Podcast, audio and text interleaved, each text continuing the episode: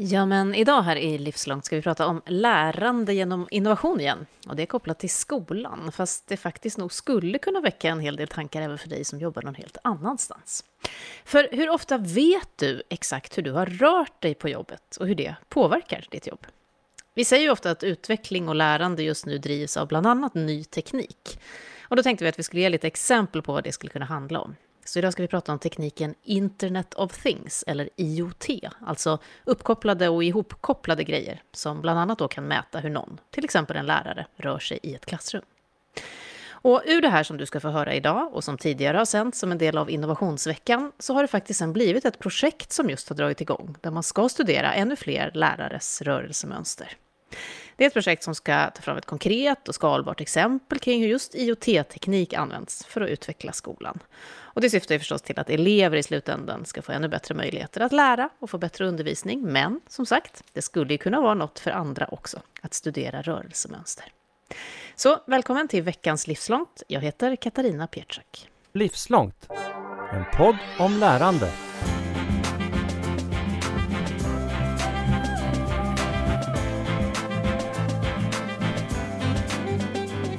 Hej och välkommen till Lars Lingman, chef för livslångt lärande just på RISE. Hej! Hej! Min chef faktiskt. Vi hänger också i podden livslångt kring alla möjliga frågor Bara till vardags. Snudd på. Och så projektledare i IoT Hub Skola är du också Precis. i det här sammanhanget. Mm. Och så Jan Hylén, du är utbildningsanalytiker. Det vill jag också bli när jag blir stor, insåg jag, när jag skrev ner din titel. Du är välkommen. ja, tack, tack. Jag börjar hos dig, Lars. Vi har ju pratat då om livslångt lärande och innovation en och annan gång Mm. eh, i olika sammanhang, i den här podden och utanför. Och vi jobbar ju varje dag med de begreppen. Kan vi inte bara först koppla ihop, hur liksom dansar innovation och lärande med varann?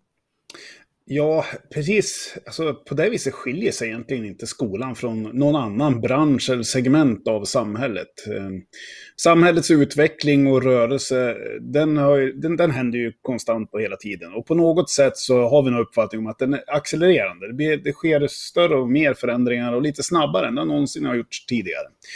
Ehm, och det här har, skolan har en roll i att hela tiden försöka hålla sig i takt i tiden.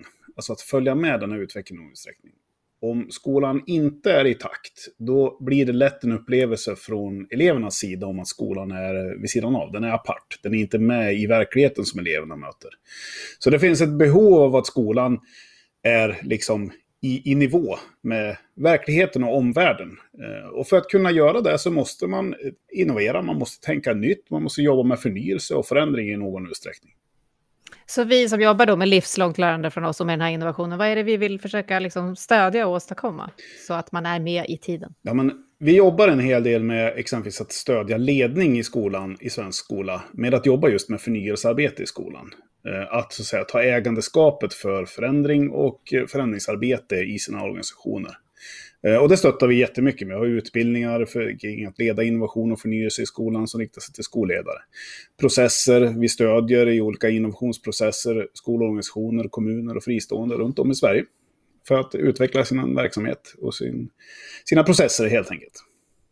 Mm. Och du själv då, som ju också har varit i skolan, det har vi pratat om många gånger. Vad, vad gör det här arbetet så viktigt för dig? Hur försöker du? Ja, egentligen, och ska vara lite krass, så kommer jag bara i grund och botten från ett, har haft ett väldigt starkt intresse för allting som är nytt. Eh, Men lite grann så här med erfarenhet av att vara ledare länge så kommer man i en situation där man känner att okej, allting nytt har inte ett värde liksom. Utan jag behöver hitta det som är nytt och som gör nytta. Eh, Och helst så ska det också kunna nyttiggöras. Då har jag hittat den genuina innovationen. Jag brukar prata om tre nivåer av innovation. Nytt, nytta och nyttiggjort. Um, och det tycker jag är väldigt intressant att jobba, tänka med och utforska. Man behöver jobba med alla tre nivåerna. Någon behöver bara gräva i, det här, i framkanten av det här nya hela tiden och se vad som händer och se om det har någon nytta eller inte. Vi ska strax komma tillbaka till då vad det nya här i just det här projektet som jag nämnde eh, innebär. Men Jan, du jobbar ju nära med oss och har gjort det i många olika sammanhang och du har ju också en överblick då över utbildningsfrågor på olika sätt. Eh, hur ser du på allmänhet på behovet av innovation i skolan, att följa med sin tid och, och utveckla lärande? Jo, men det, det som Lars säger, extremt viktigt. Alltså det, det finns eh, en viktig person som har sagt att vå- våra skolsystem löper inte främst risken att bli ineffektiva utan att bli irrelevanta. Och det är, det är värre faktiskt. Mm. Att utvecklingen helt enkelt springer ifrån. Och, och därför måste vi jobba väldigt systematiskt och, och, intensivt med att både introducera nya saker och som Lars är inne på, testa ut. Vad funkar, vad funkar inte, vad ska vi lägga bakom oss och så vidare. Mm. Och det där behöver ju ske på olika nivåer, eh, både liksom i klassrummet men också då på, på huvudmannanivå och på nationell nivå. Och där är vi väl starkast kanske på mittensegmentet alltså. Eh, huvudmännen är ofta, eller i alla fall de vi jobbar med, är ju, är ju väldigt intresserade och vill och testa nytt. På klassrumsnivå kan det vara trögt och på nationell nivå är det ofta väldigt trögt. Mm. Så att, att vi har det här exemplet, eller de här projekten att visa upp tror jag kan vara jätteviktigt för, för oss framöver. Mm. Mm. Om vi kan grotta ännu lite mer i de främsta anledningarna till innovation, Jan, men kanske också du Lars. Alltså hur kan vi öka den här graden av livslångt lärande som vi alltid bryr oss så mycket om här med hjälp av just innovation i skolan? Ingen aning.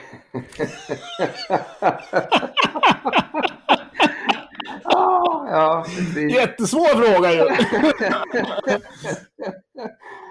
Men vad sa du nu från Katarina? Du sa livslångt Det är bara ett annat sätt att ställa frågan. Vad är det som gör att det är så viktigt med innovation? Vi pratade ju om att hänga med i tiden, men vad är, det liksom, vad är tiden? Vad är det som gör att det är så viktigt att hela tiden hålla sig relevant, som ni båda var inne på?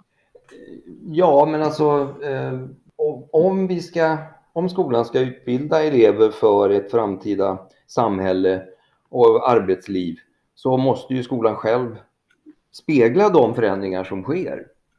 Eh, annars så mm, blir det ju som vi sa ett, irrelevant utbildningssystem. Mm. Det är också så här att skolan har ju eh, utmaningar har alltid haft. Av olika modeller. Det kan ha rört sig allt möjligt. Från undervisning till betygssättning till administration till ledarskap. Allt möjligt. Det finns ju några utmaningar nu som är ganska kraftfulla i skolvärlden. Som kanske är några av de största utmaningarna vi kanske har mött.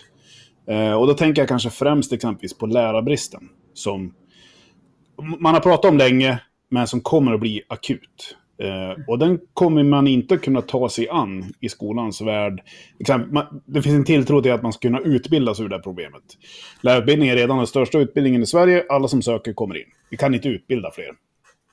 Utan vi måste göra andra ansatser i skolans system för att hantera det här. Det kommer att kräva innovativa idéer om hur man ska göra det här. Och det kommer också krävas nationellt innovativa, alltså i styrningen av skolan behöver man göra systemförändringar. Eh, skapa nya sätt för hur man får bedriva skola för att vi ska kunna hantera den här situationen. Så det finns ett, ett kraftfullt incitament att kunna och lära sig om förnyelse och innovation i lärande och utbildningsmiljöer. På alla nivåer egentligen.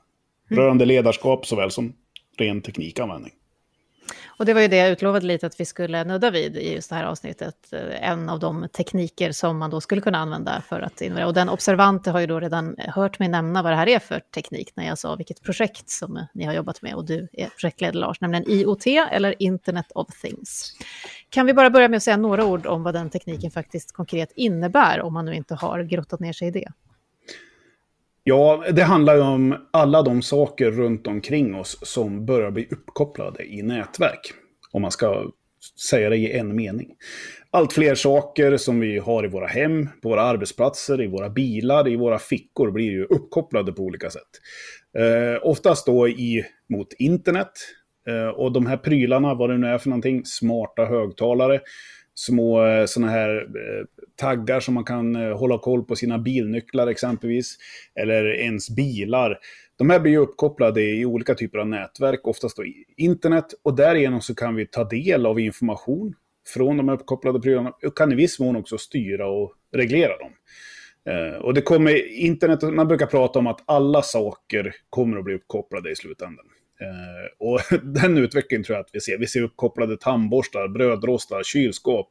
Allt liksom, mm. ska göras tillgängligt med nätverksuppkoppling. Och det är ju då det här Internet of Things. Sakernas internet på svenska. Jag har fått många sådana där taggar av mina barn. De är så trötta på att se mig leta efter mina grejer, så det piper överallt. Allt är ihopkopplat så att jag kan navigera på det. Men du projektleder då, Lars, vårt projekt IoT Hub Skola. Vad, vad är mm. det för projekt? Säg något om det. Ja, men det är ett ganska stort projekt bestående av, eh, av ett antal olika parter. Eh, RISE är en del. Eh, projektägare för det här projektet, den som så att säga äger hela projektet är faktiskt Kungsbacka kommun. Och RISE har uppdraget att projektleda projektet.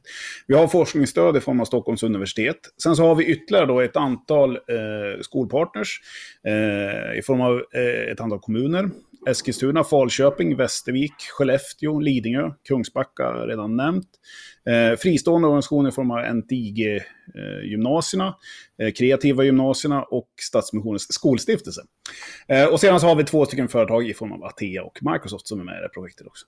Och det vi har gjort här under eh, nästan tre års tid, det är att utforska och undersöka användarna av sakernas internet, internet och things-teknik i skolmiljöer och se vad finns det för vad kan det finnas för värden och nytta? Och det har vi gjort genom att testa en hel del sådan teknik i, i faktiska skolmiljöer för att kunna titta på detta. Och eh, målet är då att kunna ta fram ett antal guidelines och lite stöd, en hel del med stödmaterial till Skolsverige i arbetet med Internet of Things. Och vi ska få höra alldeles eh, strax mer om just hur det ser ut i praktiken i ett klassrum och också från det här forskningsstödet på Stockholms universitet. Men vad säger ni, vad gör att just uppkopplade saker i skolmiljön är en bra idé? Vad är det vi skulle kunna få fatt i här som, som just blir en innovation till nytta? Ja, det självklara är väl kanske mm, de här miljöfaktorerna som man ganska lätt kan kolla. Att luftkvalitet är bra, att ljudnivån inte är för hög, att ljuset är korrekt och så vidare. Eh, när det gäller just att titta på miljö, arbetsmiljöerna i klassrummet så är det faktiskt, eh, det kan tänkas lite trivialt till början, okej, okay, temperatur, koldioxid och så vidare. Men har man koldioxidvärden och läraren kan få syn på koldioxidvärden, då kan det ge en signal om att vädra eller ta en rast och så vidare. De här sensorerna sitter oftast i lokalerna, men de är inte tillgängliga för skolan. De är tillgängliga för den som förvaltar byggnaden. Det finns en intressant engelsk studie, eller hur Jan? Om mm. just arbetsmiljön. Vad var det den kom fram till egentligen? Ja, det kom fram till det. Så man har tittat i över 300 klassrum vill jag minnas. Eh, och just sett hur mycket den här typen av eh, miljöfaktorer påverkar lärandet. Och, och, det finns en klar påverkan. Alltså man lär sig sämre om det är för bullrigt, om det är för låg eh, luftkvalitet och så vidare. Ganska självklart, men har hittills inte visats i, i studier på det sättet. Mm. Och det ska man kunna tänka sig om man har sådana här sensorer i alla klassrum. Då skulle man kunna visa när man vill köra nationella prov. Då skulle man kunna vara lite taktisk när man placerar ut klasserna, att sätta dem i de klassrum där man vet att här är arbetsmiljön som allra bäst. Mm. Och det kan ju vara beroende av tid också. Det kanske är trafik utanför, eller sådana saker, vissa tidpunkter och så. Man skulle ju vilja koppla ihop den datan med ett schemaläggningsprogram också. Så att det, man inte schemalägger flera, man ser att det är låga värden i ett klassrum, ska man inte schemalägga många lektioner på varann efter det. Det borde ju liksom systemet kunna säga att Mm. Ska ni vara någon annanstans? Ganska mycket IoT-projekt handlar ofta om att titta på sensordata i form av temperaturer, luftfuktighet och sånt. Alltså vår arbetsmiljö runt omkring oss. Det behöver inte vara i skolan, det kan vara på vanliga arbetsplatser också. Och det vi har bland annat har gjort är att vi har använt telepressens robotar eh, för att eh, då barn och unga elever som inte kan vara i klassrummet ska kunna ta del av undervisning via eh, en telepressens robot som de kan styra, som sitter inne i klassrummet istället. De eleverna kan vara på en annan plats i skolan eller till och med i hemmet och kan delta i undervisningen via den här roboten. Ehm, det vi har gjort på senare tid i slutet av projektet är att vi har tittat på lärares rörelse i klassrum. Det ska ni få höra mer om eh, lite senare här. Eh, där vi har tittat på just hur en lärare rör sig och mätt det väldigt, väldigt noggrant då i hur en lärare rör sig i ett klassrum under en lektion och tillhandahållit den datan, visualiserat den datan för läraren eh, för att reflektera över hur den för sig i klassrummet och hur det kan påverka lärande och undervisning. Ehm, så det är några exempel på saker som vi gjort i det här projektet.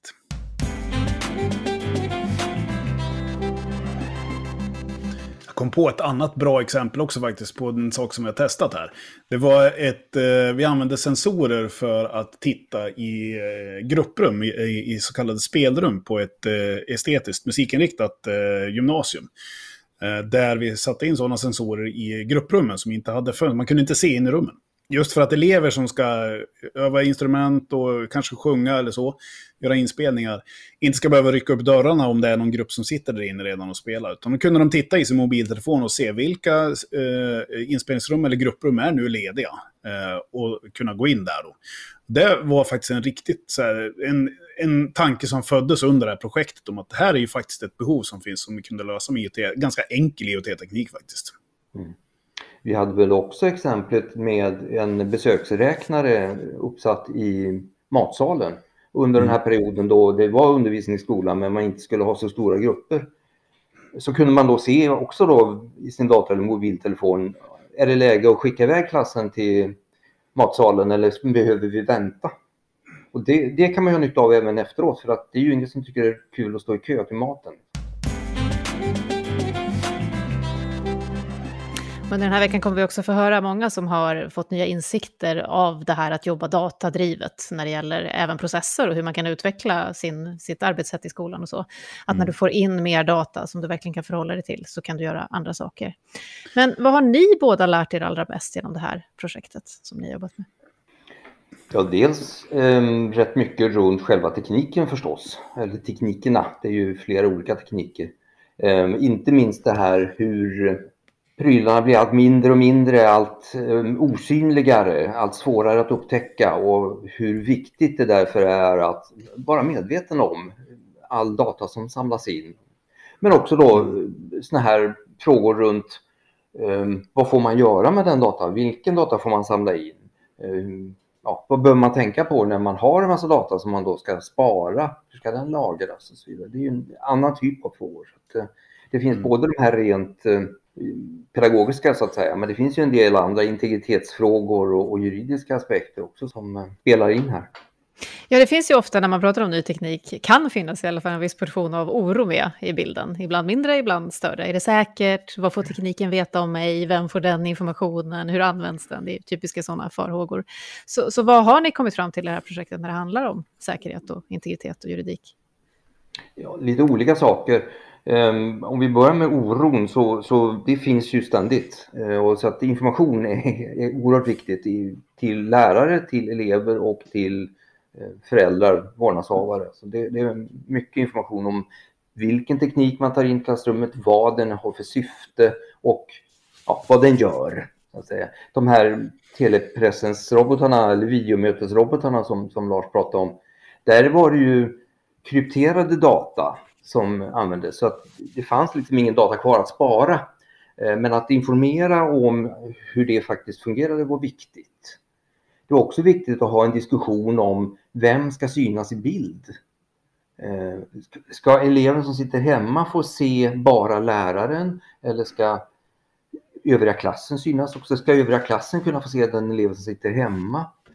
Och så vidare. Och, och, läraren vill inte alltid synas i bild heller. Det kan också vara oroligt. De blir rädda för att deras ja, en film eh, av dem hamnar på avvägar. Och så. så det är rätt mycket den typen av avvägningar. Det blir ju mycket GDPR-frågor här, det, det är oundvikligt. Um, och um, där finns det ju en möjlighet att i vissa sammanhang, när man pratar om integritetskänsliga data, då, begära samtycke. Men det där att, att skicka hem lappar till målsmän och begära samtycke, det har väldigt dålig verkan i, i skolmiljö så att säga. Dataskyddsinspektionen som de inte heter längre, Integritetsskyddsmyndigheten heter de nu. Um, mm. Och hela det europeiska domstolsväsendet så att säga har dömt ut att skolan som är ofta då en obligatorisk företeelse kan inte på det, det lättvindiga sättet ta in samtycke och sen bara köra på det. Det är en annan sån där aspekt. Ja, tanken är ju att eleven är ju i beroendeställning till skolan och inte så att säga Ja, det kan tänkas att samtycket ska den signera, annars känner den att den kanske påverkar sina möjligheter i skolan och sådär. Mm. Mm. Mm. Så, så om man nu, nu har ju ni utforskat här och gjort de här sakerna ändå och liksom försökt hantera den här oron och de här frågorna. Om man då känner att det här verkar ju vara, det är bättre att bara låta bli. Det verkar vara liksom mycket att ha koll på och tänk om vi gör fel. Vad har ni att säga då? Ja, men det finns ju värden att hitta här. Det är ju det som är så otroligt intressant med det här projektet. Och det är precis som Jan säger, det väcker ju väldigt mycket känslor. Som exempelvis om vi nu ska följa lärare, vi ska registrera en lärares rörelse i ett klassrum ner på en centimeter i noggrannhet. Liksom. Och när vi presenterar det här projektet för lärare, vilket vi har gjort för väldigt många lärare, för att just rota, rota i lite grann, hur känner man kring sådana här saker, hur påverkas man av det? Det väcker väldigt mycket känslor. och tankar, okej, okay, ska rektorn sitta på rektorsrummet och övervaka våra rörelser? Så, nej, tanken här är ju att den här datan skulle bara vara tillgänglig för läraren i, i fråga. För att analysera och utveckla sin profession som, i, i sin undervisningsgärning helt enkelt. Men det väcker väldigt mycket känslor. Men det finns sätt att liksom säga, navigera runt det här och det är det man måste ha med sig. När man gör den här typen av projekt så behöver man navigera runt att, och försöka undvika att samla in data som är integritetskänslig och som mm. kan hamna i problem. Och det går och ändå hitta stora värden. För i det här arbetet med lärares röst så har vi hittat stora värden för läraren och i långa loppet för eleverna också. Mm, det låter som det handlar mycket om just kommunikation och som du sa förut Jan, syfte. Vad är det vi vill göra med det här? Mm. Och vad ska vi ha det till? För att man ska kunna gå runt det, som du beskrev det då Lars. Vi gjorde behovsworkshops i början av det här projektet. Vi träffade väldigt mycket personal i skolan och försökte lista okay, vad kan vi göra med IoT? Vilka problem kan vi lösa? Vilka utmaningar kan vi hjälpa till med? Vilka möjligheter finns? Jag kommer ihåg att det är en sak som kom bland förskolepersonalen var ju möjligheten att få ett pling eller någon meddelande när blöjan behöver bytas. Vilket skulle innebära att vi skulle sätta sensorer i blöjorna på de allra minsta barnen i förskolan. Det, det, blev inte så, eller? Ja, men direkt så blir ju det här väldigt, väldigt integritetskänsligt. Det hamnar nästan liksom i, i, i ramar om etik och moral och sådana frågor. Mm. Och är det någonting som har varit återkommande i det här projektet så är det alltså avvägningen mellan den här nyttan och möjligheterna kontra de här integritet, etik, moral, säkerhet och juridik. Den avvägningen har vi alltid fått hålla på med genom hela det här projektet. Och det kommer man få göra varje gång man ska jobba med IoT och samla in den här typen av data. För det är känsligt och det väcker känslor. Så har du, Lars, fått någon så här eh, aha-upplevelse eller insikt eller något riktigt stort lärande genom det här? Ja, en sak som jag har lärt mig på vägen här, det var lite det som Jan var inne på också tidigare. Alltså att den här tekniken är så, börjar bli så försvinnande liten att det finns liksom som ett litet flipcoin på det här. Som är det att de unga människorna Eh, Eh, som går genom skolan måste lära sig om internet och things-teknik. Genom att få laborera kanske i teknikundervisning eller annan undervisning, få laborera med den här pröva på den och testa den. Och därigenom få syn på hur liten den är, vad som, hur liten en faktiskt en dator kan vara, hur liten en sensor kan vara, hur liten en kamera kan vara. Så blir man en mycket mer medveten medborgare i det här allt mer digitaliserade och teknikutvecklade samhället som vi är i. Och det kommer vara väldigt avgörande för att liksom kunna vara välfungerande i det här samhället. Att man har de här insikterna om hur teknik kan se ut och framförallt om hur det kan försvinna. Okej, avslutningsvis då, om man nu är huvudman och hör oss prata och skulle vilja utforska det här vidare eller känner oj, men då måste jag verkligen förstå mer om det här med etiken och, och de avvägningarna. Vad har ni för medskick? Hur ska man börja och vem ska man kontakta? Och så? Ja, på iothub.se så kommer vi att publicera en hel del material i form av guidelines. Vi har rapporter som ligger där redan, bland annat kring säkerhet och juridik. Eh, och sådana saker, och integritet. Så där finns en hel del att läsa och vi kommer att publicera mer material eh, vart eftersom här. Men sen är det väl det vi har sagt. Eh, var inte rädd att testa, men, men mm. fundera samtidigt på vad är, vad är syftet och, och, vad vill vi uppnå? Så att inte bara kasta sig huvudstupa in, men ändå försöka våga. Internet of Things och sakernas internet, det kommer att komma. Det kommer att med 5G-utveckling, 5G är egentligen på många sätt en perfekt teknik för att just koppla upp så mycket grejer som möjligt. Så Internet of Things kommer att komma jättestarkt i samhället som helhet. Och det kommer att komma i skolan också. Och det bästa man kan göra nu som huvudman, det är att prova lite grann. Köra lite småskaligt för att bygga sin egen kompetens och skaffa sig kunskaper i sin organisation om Internet of Things-teknik. För det kommer att bli erbjudande om den här tekniken längre fram. Och då gäller det att ha kunskaper och kompetens för att kunna välja rätt och navigera där på ett på klokt sätt.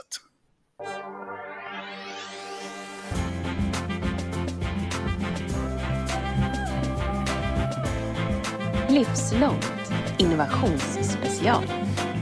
Då har vi fått en liten inblick i och orientering kring tekniken Internet of Things, eller IoT, i allmänhet och hur den tekniken skulle kunna bidra i skolans innovationsarbete. Stort tack för det, Lars Lingman, chef för livslångt lärande på RISE och utbildningsanalytiker Jan Hylén. Och för att vi liksom ska känna ännu lite mer på det här och få lite konkreta tips kanske och en tydligare bild av vad den här typen av innovation kan innebära så ska vi då förstås till klassrummet. Så hej och varmt välkomna till mig, Christian Svedenkrans. lärare och Robert Ramberg, professor på institutionen för data och systemvetenskap vid Stockholms universitet. Kul att ha er med. Tackar, tackar. Tack. Jag tänkte börja med dig Christian. Eh, dina ämnen är matte och teknik och du jobbar på Högsätra skola på Lidingö i Stockholm. Vi pratar ofta om livslångt lärande i den här podden, det namnet indikerar det lite. Vad, vad är det viktigaste och kanske roligaste lärande du har fått av att testa den här typen av teknik i din vardag? Puh, vilken jättestor fråga. Eh, det är någonting med eh, lärandet att göra det tillsammans med eh, expertis på kunskap. I mitt arbete få jobba med eh, andra kunniga människor.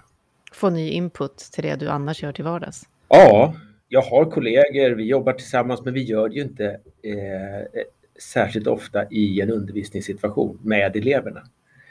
Och, och, Robert har inte varit med där, men med hjälp av tekniken så har han ju på något sätt varit det. Men vad är det då ni har utforskat just i det här projektet IoT Hub skola? Ja, tittar man in i det så ser det precis ut som det gör i väldigt många skolor. Eh, plats för eleverna vid stolar och bänkar och, och whiteboards. Och, men uppe i hörnen eh, så sitter fyra stycken sensorer. Och eh, runt min, eh, ja, runt halsen så, så hänger det en femte enhet. Så att de här sensorerna registrerar min rörelse i klassrummet. Och den datan samlas in och presenteras eh, i en så kallad heatmap. Så eh, när min lektion är slut så ser jag på en karta över klassrummet eh, var jag har varit och hur jag har rört mig. På vilket sätt påverkar det dig som lärare att du kan se det?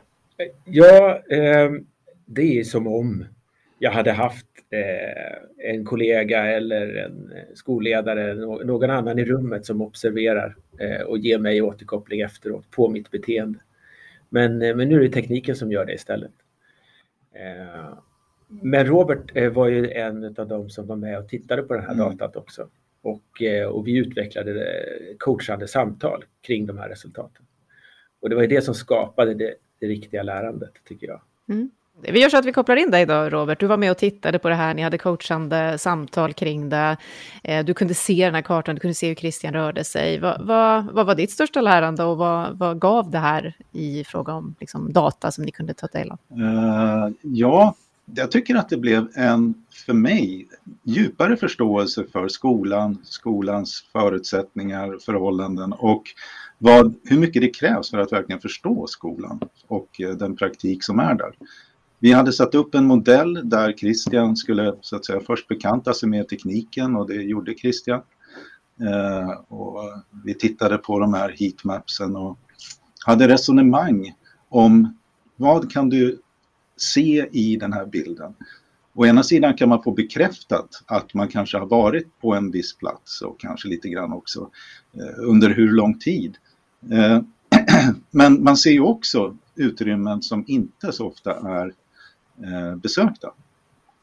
Och då kan man ju inleda liksom diskussioner kring varför inte de områdena besökta? Och Christian började tänka på det och satte upp, vad ska man säga, nästan lite grann som lite experiment för sig själv. Om att det här ska jag testa vid nästa tillfälle. Och det var någonting som den modellen vi arbetade efter, liksom strävade efter att göra också. Att våga utmana sig själv, våga testa saker och ting. Och, och det gjorde Christian verkligen. Eh, och vi hade fantastiska dialoger. Eh, där, jag vill minnas någon gång du sa Christian, du kom på dig själv med att du stod där framme vid eh, av den vita tavlan, katedern och ja men här kan jag inte stå och hänga. och det där har blivit lite grann av ett citat som vi har använt i projektet som att ja men här kan jag inte stå och hänga. Så, men det var, det var väldigt talande. Och hur, hur, hur du successivt så att säga utmanade dig själv och kom till en punkt där, ja, de här heatmapsen, de kan svara på somliga frågor. Men jag behöver också blanda in eleverna i det här. Så, och, och, det ledde ju till nya intressanta diskussioner om man tänker på den här tekniken, hur den kanske kan kopplas till annan teknologi i klassrummet också. Det var faktiskt eh, något jag stod och funderade på här. Vad, vad sa eleverna om det här? Vad, hur upplevde de hela projektet, Christian? Ja, de fick ju eh, veta att det här skulle hända och de fick se att utrustningen satt där och att jag hade den här lilla enheten runt halsen. Men sen så ja, försvann väl det och tills, eftersom jag har eh, samma elever i teknik, eh, vi har väl inte sagt att det här var mest matematik då, som, som det här var, men teknikämnet eh, eh, har de med mig också och eh, då blev det ju väldigt användbart att synliggöra liksom, vad teknik kan användas till och vad som är på gång. Vi kom in och pratade om rörelse. Det, det var ju också sådär att, ja, och apropå att Robert berättade här att jag kom på mig själv, här kan inte stå och hänga utan när man blir medveten om sin rörelse så, så började vi och eleverna också, du får röra på dig men vi behöver röra på oss och sådär. Så att, mm. Eh, vi, vi kunde ju inte eh, spåra och samla data på varje enskild elev men vi, men vi prövade ändå att dela in klassrummet i, i fyra fält. Var det något fält som då var markant lägre ja. engagemang eller energi? Ja, Var fanns ja. det fältet? Eh, I ett av de bakre hörnen, inte konstigt. Mm. Eh, klassiskt som man kan komma ihåg själv i, i, skolan också. Det gjorde ju också att jag vände på rummet och använde den whiteboarden i den ändan mera. Så att de kom längst fram. Så att säga. Var det några andra sådana områden som du upptäckte, apropå det du sa Robert, eh, att här är jag inte? Du, whiteboarden har du nämnt, mm. var det något annat? Så mm. att här, här rör jag mig tydligen inte. Ja, det kan vara lätt att tänka att bara för att jag inte har varit där så, mm. eh, så borde jag vara där. Men eh, då hade vi ett tillfälle när jag, eleverna satt i grupper och jag stod på håll och hade kontakt med en grupp. Eh, och jag pratade med dem efteråt. Jag fick liksom en, en uppföljningsuppgift eh, från Robert och Patrik. Och, och, och, och, de här eleverna mindes, jag hänvisade till det här projektet och sådär och, och de sa så här, nej men det är lugnt, vi, vi, det var bra att du inte störde oss. Eh, vi jobbade på och vi, vi vet att du hade kommit om, vi, vi hade ju ögonkontakt sa de. Liksom. Så, att, eh, så den delen, den, den fångas ju inte med, med den här tekniken idag. Då. Var det någonting i det här datan eller informationen du fick tillbaka som var så ordentligt förvånande eller kanske till och med obehagligt att få veta? Nej. Eller bekräftande? Nej, ja. Eh, absolut bekräftande apropå den här äh, när, när jag verkligen placerade en, en tom plats till mig själv. Eh, det, det var det. Men obehaget har jag inte känt i projektet. Men jag har fått skäl att reflektera över att jag tror att det hade känts annorlunda om det inte hade varit ett, ett utforskande projekt där jag och dels att jag kände att jag hade de som installerade tekniken och bearbetade datat, eh, teknikerna eh, och Robert och Patrik som tog del av det och diskuterade med mig. Alla kände jag. Eh, vi har prövat diskussioner om vad, vad, skulle hända om den här datan delas med någon, ja, min, min arbetsgivare, skolledare eller något annat. Sådär. Eh, för, nej, då, då, då, blir det lite mindre tryggt, tänker jag. Eh, mm. Tillit blir en jätteviktig faktor ja, när ja. du ska kunna titta på dig själv och lära dig av det. Ja. Vad skulle du säga då, Robert? Vad, vad, är liksom det viktiga med att man vågar och vill pröva den här typen av innovationer? Du sa att ibland måste forskningen också vara lite närmare verkligheten i förståelse. Så vad är det riktigt viktiga med att testa sådana här innovationer i skolan? Skulle du säga? Jag, jag tycker att om vi talar först om just den här tekniken så, jag menar som, som gammal psykolog, kognitionspsykolog och så, så vi, vi, vi, tror ofta att vi vet vad vi gör och hur vi gör och många gånger har vi kanske rätt. Men vad, vad den här tekniken möjliggör det är att du får svart på vitt hur du faktiskt rör dig i klassrummet. Och du kan ha en intuition om att ja, där nere är jag inte särskilt ofta, men här kan du få det också bekräftat. Och kanske också komma till att ifrågasätta antaganden som man gör. Är det så att det där hörnet där nere där jag, eh, eleverna, de sitter som oftast brukar klara sig själva, faktiskt klarar sig själva hela tiden. Eh, att stämma av det med någon regelbundenhet. Sen, sen ser jag en annan möjlighet med den här tekniken också. Jag förstår precis Christian, det kan bli, kan bli känsliga frågor här, men om man tänker sig att nyttjandet av den här teknologin kan skalas upp så att man kan använda den här typen av heatmaps eh, som underlag för kollegiala diskussioner lärare emellan om hur man planerar att genomföra en, en, lektion och man får då den här heatmappen som någon form av eh, färgkarta över vad som hände och med det som utgångspunkt ha en diskussion med en kollega och kanske tillsammans eh, utforma hypoteser som man vill testa och få bekräftade på något sätt då, med hjälp av den här tekniken. V vad är det mer som vi behöver lära oss som vi kanske skulle kunna ta teknisk hjälp för att verkligen öka effekten av det lärande vi håller på med i skolan, skulle ni säga? Det som förekom den här möjligheten var det att man började mäta eh, luftkvalitet i klassrummet. Och det, det minns jag från någon av era poddar sedan tidigare att ni har haft uppe på. Eh, och det har en jättestor effekt på elevernas koncentration. Och, och, och då, då det också kom det till att ja, det är lättare för mig som lärare som får röra mig i klassrummet och syresätta kroppen och hålla uppe. Så att det är mer sådana associationer mer än framåtriktat. Och, och det, eh, jag kanske inte fick fram det tidigare här, men eh, att eleverna verkligen också tryckte på för de har ju idrott och de är pålästa också och vet vikten av att röra på sig och de har, de har ju särskilt lektioner efter lunch och sådär. Så, så allt det här pratet om att läraren rör på sig och vi mäter lärarens rörelse ledde till att det, vi, vi började ta kortare pauser på en, på en lektion för, för allas rörelse. Och jag har börjat jobba mer med att eleverna börjar använda whiteboarden och, och skriva på tavlan. Så att det blir en del av, av att jag var med i det här. Det är att jag har återtagit klassiska kunskaper om vad som, som är bra för ett lärande under, under en lektionstimme. Eh, och det hade egentligen ingenting med sensorerna att göra. Utan det är bara för att mm. jag skärpte sinnen och började ställa frågor, eller Robert och Patrik ställde frågorna, rättare sagt. Så. Mm. Det är otroligt spännande att höra. Det avsnittet du refererar till är alltså med IKT-pedagogen Micke Kring, avsnittet Epic Split, där de då satte upp sensorer för luftmätning. Och det jag tänker när jag hör er prata är just det här, du pratar om de mänskliga sensorerna som ju också finns, och kalibreringen däremellan. Mm. Okej, okay, jag känner nu att alla är trötta, varför är de det? Mm. Om man nu pratar luftkvalitet. Eller, eh, jag, eller kanske jag trodde att jag gav talutrymme om man nu skulle hitta ett sätt att, att mäta det, men det gjorde jag inte på det sättet jag trodde. Otroligt spännande kalibrering däremellan.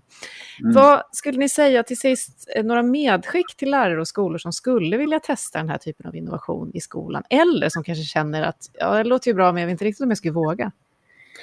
Eh, ja, får man in teknik då, som jag fick, så har det en framgångsfaktor har varit att det har funnits teknisk support och att det finns hos mig en eh, Fia Jurén heter hon eh, och, och, finns som en resurs för oss på Lidingö. Framför allt för eh, teknikundervisning och, och, så. Men i det här fallet så gick hon in och stöttade så att tekniken när och om den krånglade så blev, var hon ett stöd tillsammans med de som levererade tekniken. Eh, för då kunde jag släppa det, för det funkade ju inte alltid. Och jag höll kvar fokus på det som var mitt jobb då, att hålla lektion.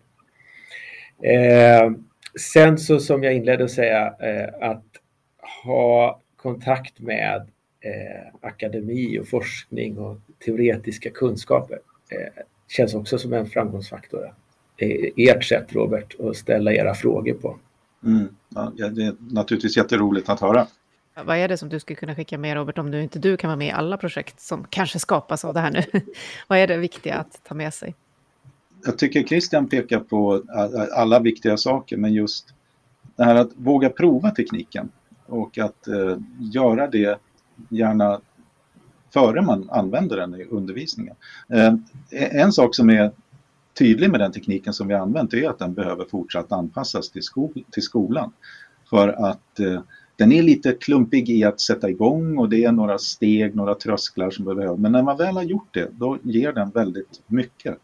Så att om man vill testa det här så skulle jag nog säga att det är bra om man är ett par stycken kanske som gör det på samma skola så att man har någon att ha en diskussion med kring de saker som vi har pratat om.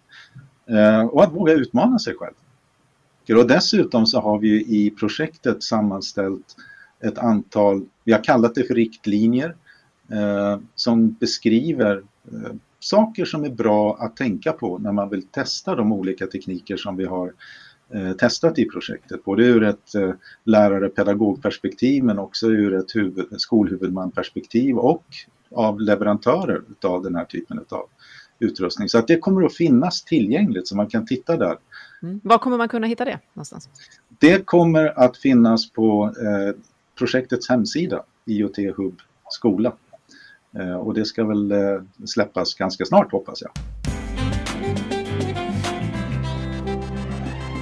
För att lyckas så behöver man ju eh, stöttning och eh, tid och, och, att ha en skolledning som ger det utrymmet. Eh, och eh, här på Lidingö, så att vi överhuvudtaget är med i det här, det ligger liksom i linje med att vara med i forskningen. Att det finns fler sådana projekt eh, hos, eh, hos kommunen, så kallad praktiknära forskning.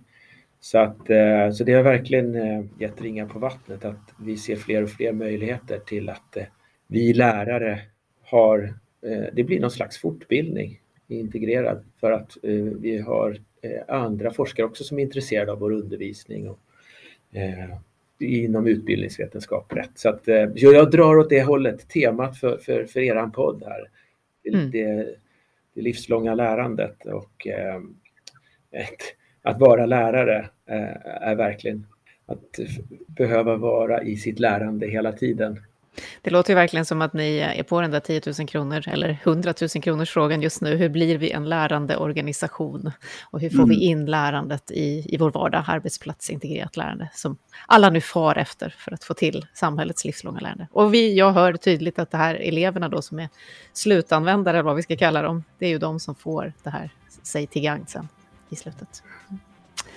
Stort tack Christian Swedenkrans, lärare på Lidingö i Stockholm och Robert Ramberg, professor på institutionen för data och systemvetenskap, Stockholms universitet, för att ni var med i Livslångt innovationsspecial och då har vi fått en liten inblick i en typ av innovation med hjälp av teknik här, Internet of Things-tekniken och hur man faktiskt bara genom att titta på hur man rör sig kan utveckla sitt lärande. Tack så mycket. Tack.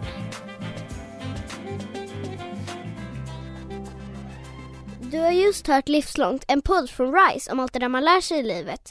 Yes, då var vi klara där. Vi hörs om en vecka igen.